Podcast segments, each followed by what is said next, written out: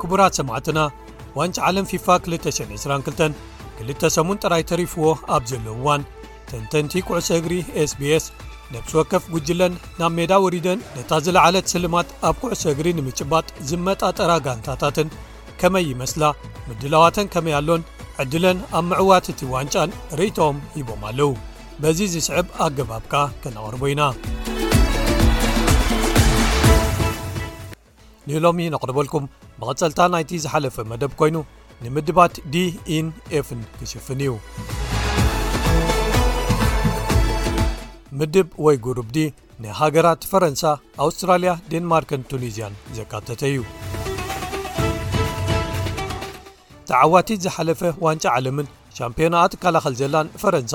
ኣብ ቐጠር ነዚ ሻምፒዮናኣ ካልኦት ከይምንጥላ ክትጣፋእ ክትሓስብ እያ እንተኾነ ግን ኣብዚ ቀረባ ግዜ ከተርእዮ ዝጸንሐት ትሑት ብቕዓትን ካብ ሜዳ ወጻኢ ዝተፈጥሩ ካልኦት ቀንጠመንጢ ነገራትን ነታ ሌብሉ ዝሳጓ ፈረንሳ ከየሳናኽልዋ ስጋእት ኣሎ ኣሰልጣኒ ዲዴ ዴሻምፕስ ትዕቢታት ተጻወቲ መጉዳእትታትን ካብ ሜዳ ወጻኢ ዝፍጠሩ ድራማታትን ብጥንቃቐ ክሕዞም ከድልይዎ እዮም ብፍላይ ከኣ ድሕሪ ነብሲ ወከፍ እታ ኣብ ፍጻሜ ዋንጫ ዓለም ዝበጽሓትሉ ተመዝግቦ ሕማቕ ውጽኢታት ከም ዘብቅዕ ክገብሮ እንተኾይኑ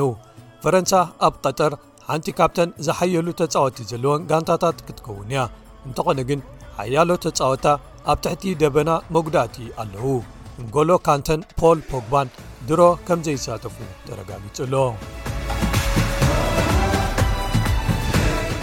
ኣውስትራልያ ድሕሪ እቲ ድራማ ዝመልኦ ጎስጓስ መጻረይ ዋንጫ ዓለምን ሓላው ልዳት ኣንድሪው ረድመይን ዝፈጸሞ ተኣምር ኣብ ፍጹም ቅላዕ መቕጻዕትን ሓሊፋ ቦታኣ ድሕሪ ምርግጋጻ እታ ናይ መወዳእታ ካልኣይቲ ምሕላፋ ናብ ዋንጫ ዓለም ዘረጋገጸት ሃገር ኮይና ኣላ። እዚ ንኣውስትራልያ ሓሙሻይ ተኸታታሊ ተሳትፎኣ ኣብ ዋንጫ ዓለም ኮይኑ ኣብዚ ተመዲባቶ ዘላ ጉጅለ ገለ ቅድሚ ሕጂ ዝተፈላለየተን ሃገራት መጋጥምታ ኮይነን ኣለዋ ፈረንሳን ዴንማርክን ኣብ ዋንጫ ዓለም 218 ኣብ ሓደ ምድብ ምስኣ ተመዲበን ነይረን ሶከሩስ ዝቕጽል ስማ ሃገራዊት ጋንታ ኩዕሶ እግሪ ኣውስትራልያ ብዓብዩ ትንየተሉ ኮኾብ ተጻዋታይ ስለ ዘይብላ ኣብቶም ምኩራት ዝኾኑ ተጻወታ ማለት ከም በዓል ኣሮን ሞይን ማት ራያንን ክትምርኮስ እያ ኣሰልጣኒ ግርሃም ኣርኖልድ ንፈለማ እዋኖም ዝተጸውዑ ጀይሰን ካሚንግስን ጋራንግ ክወልን እምነት ኣሕዲሩ ከሰልፎም ይጣላዕዶ ይኸውን ተኸላኸላይ ሃሪ ሶታርከ ብእዋኑ ሓውዩ ከርክብ ይኽእል ዶ ይኸውን ዴንማርክ እቲ ስምዒት ዝዓብልሎ ክሳብ ግጥም ፍጻመ ዩሮ 220 ዝበጽሕሉ ጉዕዞ ኣብዚ እውን ክደግምዎ ክደል እዮም እቲ ካብ ኣፈፈት ሞት ዝወፀ ሕጂ ግን ብቑዕን ብዅሉ ዘድምዕ ዘሎን ክርስትያን ኤሪክሰን ክሕግዞም ዶ ይኸውን እዚ ኣከፋፋሊ ጋንታ ማንቸስተር ዩናይትድ ኣብ ግዜ ግጥማት ዩሮስ መጥቃዕቲ ልቢ ኣጋጢምዎ ብተኣምር ድሕሪ ምሕዋዩ ጽቡቕ ብቕዓት ኣርእዩ'ሎ። ሕጂ እውን ደጊሙ ዕድላት ሽቶታት ዝፈጥር ዓይኒ ጋንታ ክኸውን እዩ። ክልተ ኣብዚ ቀረባ ግዜ ዘመዝገብዎም ዓወታት ኣብ ልዕሊ ፈረንሳ ንደንማርካውያን ኣብ ቐጠር ክሳብ ዳሕረዎት ዙርያታት ክበጽሑ ከም ዝኽእሉ ርእሰ ተኣማንነት ክህቦም እዩ። ቱኒዝያ ንኻልኣይ ተኸታታሊ ግዜኦም እዮም ናብ ዋንጫ ዓለም ተመሊሶም ዘለዉ ኣብ 2018 ካብ ምድቦም ሳልሳይ ደረጃ ሒዞም ካብ ዝወድኡሉ ዝበለጸ ውጽኢት ከመዝግቡ ኣዝዮም ክድል እዮም ኣብ ሓደ ከቢድ ጉጅለ እንተሃለዉ እኳ ኣሰልጣኒ ጃሊል ከዲር ዝኣልያ ጋንታ ንፈለማ ግዜ ናብ ዙርያ ኣውዲቕካ ምሕላፍ ብምብጻሕ ታሪኽ ንምስራሕ ክህቅኑ እዮም ዋህቢ ካዝሪ ሓደ ካብቶም ተጠመቲ ተጻወቶም እዩ ኣብ ሩስያ ክልተ ሽቶታት ኣመዝጊቡ ኣብ ቐጠር እውን ኩዕሶ ምስ ሰኪዐት ከጽብር ደሓን ዝኾነ ዕድል ኣለዎ። እቲ ዝቕጽል ምድብ ወይ ጉጅለ ግሩፕ ኢ ኮይኑ ስፐይን ኮስታሪካ ጀርመንን ጃፓንን ዝሓቑፈ እዩ ስፐይን ኣሰልጣኒ ሉዊስ ኤንሪከ ሓድሽ ወለዶ ተጻወቲ ናብ ሃገራዊት ጋንታ ክጽምብር ምስ ጀመረ ኣብ ዝሓለፉ ኣርባዕተ ዓመታት ብዙሕ ተቐይራ እያ እቶም ቀደም ኩሉ ግዜ ኣብታ ሃገራዊት ጋንታ ተመረጽቲ ዝነበሩ ከም በዓል ጀራርድ ፒኬን ሰርጂዮ ራሞስን ሕጂ የለዉን። ኣብ ክንድኦም መንእሰያት ከዋኽብቲ ከም በዓል ፔድሪ ዓይኒ ናይታ ጋንታ ኮይኖም ኣለዉ። ኤንሪኬ ብተወሳኺ ኣንጻር እቶም ዝገጥምዎም ጋንታታት ዝምችእ ኣሰላልፋ ንምትግባር ንገለ ተጻወቲ ኣትሪፉ ከም ዝቕይር ኣብ ዝተፈላለየ እዋን ኣመስኪሩ እዩ። ብዙሓት ኣማራጺታት ዘለዋ ጋንታ ከኣ ክመርጽ እዩ። እቲ ዝዓበየ ሕቶ ንስፐይን እቶም ሽቶታት ካበይ ክምዝገቡ ወይ ክመፁ እዮም ዝብል እዩ ኣልቫሮ ሞራታ ዳርጋ ብዝለዓለ መጠን ቀዳማይ ተስላፊ ኣትከዓይ ኤንሪኬ ክኸውን እዩ እንተኾነ ግን ንሱ ገለ ድኽመታት እውን ኣለውዎ ኣንሱ ፋቲን ፌራን ቶረስን ኣብ ቀዳማይ ተሳትፎኦም ኣብ ዋንጫ ዓለም ነቲ ጾር ኣብ ምስካም ክሕግዝዎ ከድልዮም እዩ ኮስታሪካ ኣብ ግጥም ኢንተር ኮንቲነንታል ኣውዴካ ምሕላፍ ንኒው ዚላንድ ድሕሪ ምስዓሮም እዮም ኣብ ዋንጭ ዓለም ቀጠር ቦታኦም ዘረጋገጹ ናይ መወዳእታ ሃገር ኮይኖም እዚ ንሎስቲኮስ ተባሂሎም ዝጽውዑ ጋንታ ኮስታሪካ ሓሙሻይ ተሳትፎኦም ኣብ ዋንጭ ዓለም ክኸውን እዩ ኣብ ዋንጭ ዓለም ዝፍለጡሉ ስልቲ ምክልኻል ደጊሞም ክጥቀምሉ ክፍትኑ እዮም እቲ ሕቶ ዘሎ ግን ኣንጻር እቶም ከዋኽብቲ ዝዓብለልዎም ተጻባእቶም ኣብ ምድብ ኢይ ዘለዉ ክዳረጉ ይኽእሉ ድዮም ዝብል እዩ ሓላው ልዳት ኪሎር ናቫስ መራሒኦምን ዝለዓለ ተፈላጥነት ዘለዎን ተጻዋታዮም ስለ ዝኾነ ኣብ ዝባኑ ብዙሕ ሸኸም ክጸውር እዩ ጀርመን ሓምሻይ ጽዋዕ ዋንጫ ዓለም ክዕወቱ ኣብ ዘማዕድውሉ እዋን ዝኸፍኣ ውጽኢታት ዘመዝገቡሉ ተኻታታሊ ግጥማት ከብቅዕን ናብ ናይ ቀደም ብቕዓቶም ክምለሱን ክድል እዮም ኣሰልጣኒ ሃንሲ ፍሊክ መዝነቱ ክርከብ እንከሎ ኣጀማምሩ ጽቡቓት ውጽኢታት ብምምዝጋብ ነይሩ ኣብ 15 ግጥማት ሓደ ግዜ ጥራይ ተሳዒሩ ሕጂ ግን ሓንቲ ዓወት ጥራይ ካብ 6ዱሽ ግጥማት ድሕሪ ምምዝጋቡ ዓወት ግድን የድልዮ ኣሎ እቲ ዝዓበየ ሕቶ ዝቐርብ ዘሎ ኣብ ዙርያ ቊጽሪ ትሽዓተ ኰይኑ፣ መንእሰያት ኒክላስ ፉልክራግን ኒልስ ፒተርሰንን ኣብ ዝተቐልቀልሉ፣ ነቲ ተጐዲኡ ዘሎ ቲሞ ቨርነር ካይ ሃቨርዝ ክትክኦ እዩ። እቲ ኣሰልጣኒ ኣገዳሲ ኣብ ዝዀነሉ፣ ነታ ጋንታ ጽቡቕ ክትጻወትን ውጽኢት ከተመዝግብን ክገብራ እዩ ዝብል ኣብ ጀርመን እምነት ወይ ቅሳነት ኣሎ። ከምኡ ኰይኑ ከብቅዕ ግን ኣብቲ ናይ ሞት ምድብ ተባሂሉ ዝግለጽ ዘሎ ጕጅለ ተመዲባ እታ ሃገር ዓብዪ ስራሕ እዩ ዝጽበያ ዘሎ ጃፓን ኣብ ዋንጫ ዓለም 218 ዘርኣይዎ ብቕዓት ዝያዳ ከመሓይሹ ክድል እዮም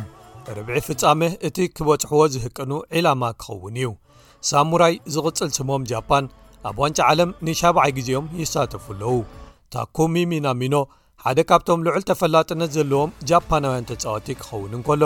ናብ ዋንጫ ዓለም ኣብ ዘምርሕ እዋን ዘርእዮ ዘሎ ብቕዓት ግን ሓደ ካብቶም ዝዓበዩ ሕቶታት ኣልዒሎም ዘለዉ እዩ ካብ ሊቨርፑል ናብ ሞናኮ ምኻዱ ዝያዳ ዕድላት ምጽዋት ክህቦ ዝግብኦ እኳ እንተ ነበረ ኣብ ሊግ ኣን ግን ገና ክረጋጋእ ኣይከኣለን ንበዓል ማያ ዮሽዳ ታኪሂሮ ቶምያሱን ጁንያ ኢቶን ወሲኽካ፣ ጃፓን ብዙሓት ኤውሮጳ ዝመደበሮም ተጻወቲ ሃገራዊት ጋንታ ኣለዉዋ። ዝቕጽል ጕጅለ ወይ ምድብ ግሩፕ ኤፍ ኰይኑ ቤልጅም ካናዳ ሞሮኮን ክሮኤሽያን ዘካተተ እዩ ቤልጅም ዋንጫ ዓለም ክዓትሩ ዓሊሞም ናብ ቐጠር ክኸዱ እዮም ሓንቲ ካብቶም ክዕወቱ ተባሂሎም ዝግመቱ ጋንታታት ክኾኑ ኣለዎም እዚ ዋንጫ ዓለም ብዘይ ምግናን ንወርቃዊ ወለዶ ናይታ ሃገር ፈጺሙ ናይ መወዳእቶም ክኸውን እዩ ክዋኸብቲታ ሃገር ከም በዓል ኤደን ሃዛርድ ኬቪን ደብሩይነን ቲቦ ኮርቷን ሕጂ ኩሎም ኣብ ሰላሳታት ዕድመ ስለ ዝርከቡ ቀያሕቲ ሰይጣውንቲ ዝቕጽል ስሞም ቤልጅም ኣብ ግጥም ፍርቂ ፍጻመ ብፈረንሳ ድሕሪ ምግላፎም ኣብ ዋንጫ ዓለም 218 ሳልሳይ ደረጃ እዮም ወዲኦም ክልተ ዓበይቲ ሕቶታት ኣብ ዕድላት ጋንታ ቤልጅም ዝለዓሉ ኣለዉ እቲ ቐዳማይ እቲ ኣብ ጋንታታቶም ዘርእይዎ ዘለዉ ትሑት ብቕዓት በዓል ሃዛርድን ሮሜሉ ሉካኩን ንመጥቃዕቶም ክሃስዮ ድዩ እቲ ኻልኣይ ሕቶ ኸኣ ብቶቢ ኣልደር ወረልድን ያን ቨርቶንገንን ዝምራሕ መስመር ምክልኻል ቤልጅም ኣንጻር ብሉጻት ኣትቃዕቲ ዓለምና ክምክት ይኽእልዶ ዝብል እዩ ምምላስ ካናዳ ናብ ምርኢት ዋንጫ ዓለም ንኻልኣይ ግዜ ኣብ ታሪኾምን ንፈለማ ግዜ ኣብ 36 ዓመታትን እዩ እናሓየሉ ዝኸዱ ዘለዉ መንእሰያት ዘለዉዋ ጋንታ ሒዞም እዮም ታሪኽ ክሰርሑ ዓሊሞም ናብ ቐጠር ዝመጹ ዘለዉ ኮኸብ ባየር ሙኒክ ኣልፎንሶ ደቪስ እቲ ቐንዲ ተጻዋታይ ካናዳ እዩ ኣጥቃዓይ ጆናታን ደቪድ ከኣ ካልእ መሳጢ ወቕቲ ኣብ ጋንታሊል ኣብ ፈረንሳ የሕልፋ ኣሎ እታ ሓንቲ ኣብ ዋንጫ ዓለም ዝተሳተፉላ እዋን ኣብ 1986 ነይራ ኵለን ግጥማቶም ተሳዒሮመንን ሽቶ ዝበሃል ከኣ ኣየመዝገቡን ካብ ምድቦም ወፂኦም ናብ ዝቕፅል ዙር ክሓልፉ ከቢድ ክኸውን እኳ እንተኾነ ካብ ዝሓለፈ ዋንጫ ዓለም ዘርኣይዎ ግን ክመሓየሹ ተጸበይዎም ሞሮኮ ፍሉይ ክእለታት ዘለዎም ተጻወቲ ዘለዎ ዋጋንታ ሒዞም ንመጋጥምቶም ኣብዚ ዋንጫ ዓለም ከሰንብድዎም እዮም ቀሪቦም ዘለዉ ናይ ክንፊ ተጻወቲ ሓያል ጎድኒ ሞሮኮ እዮም ኣብ የማናይ መስመር ምክልኻል ከኣ ኣብ መንጎ ኣሽራፍ ሓኪሚን ኖሰይር ማዝራዊን ሓያል ምፍኽኻር ክህልዋ እዩ ሓኪም ዝየጅ እቲ ናይ ፈጠራ ምንጪ እዩ ሶፍያነ ቡፋልካ እቲ ዱልዱል ኣማራጺ መጥቃዕቲ እዩ። እቲ ዝዓበየ ጸገም ሞሮኮ ኣብ ማእከል ሜዳ ዘለዎ ምርግጋእን ምስ ከም በዓል ኬቪን ደይ ብሩይነን ሉካ ሞድሪችን ዝዳረግ ዓቕሚ ኣለዎ ድዩን ዝብል እዩ።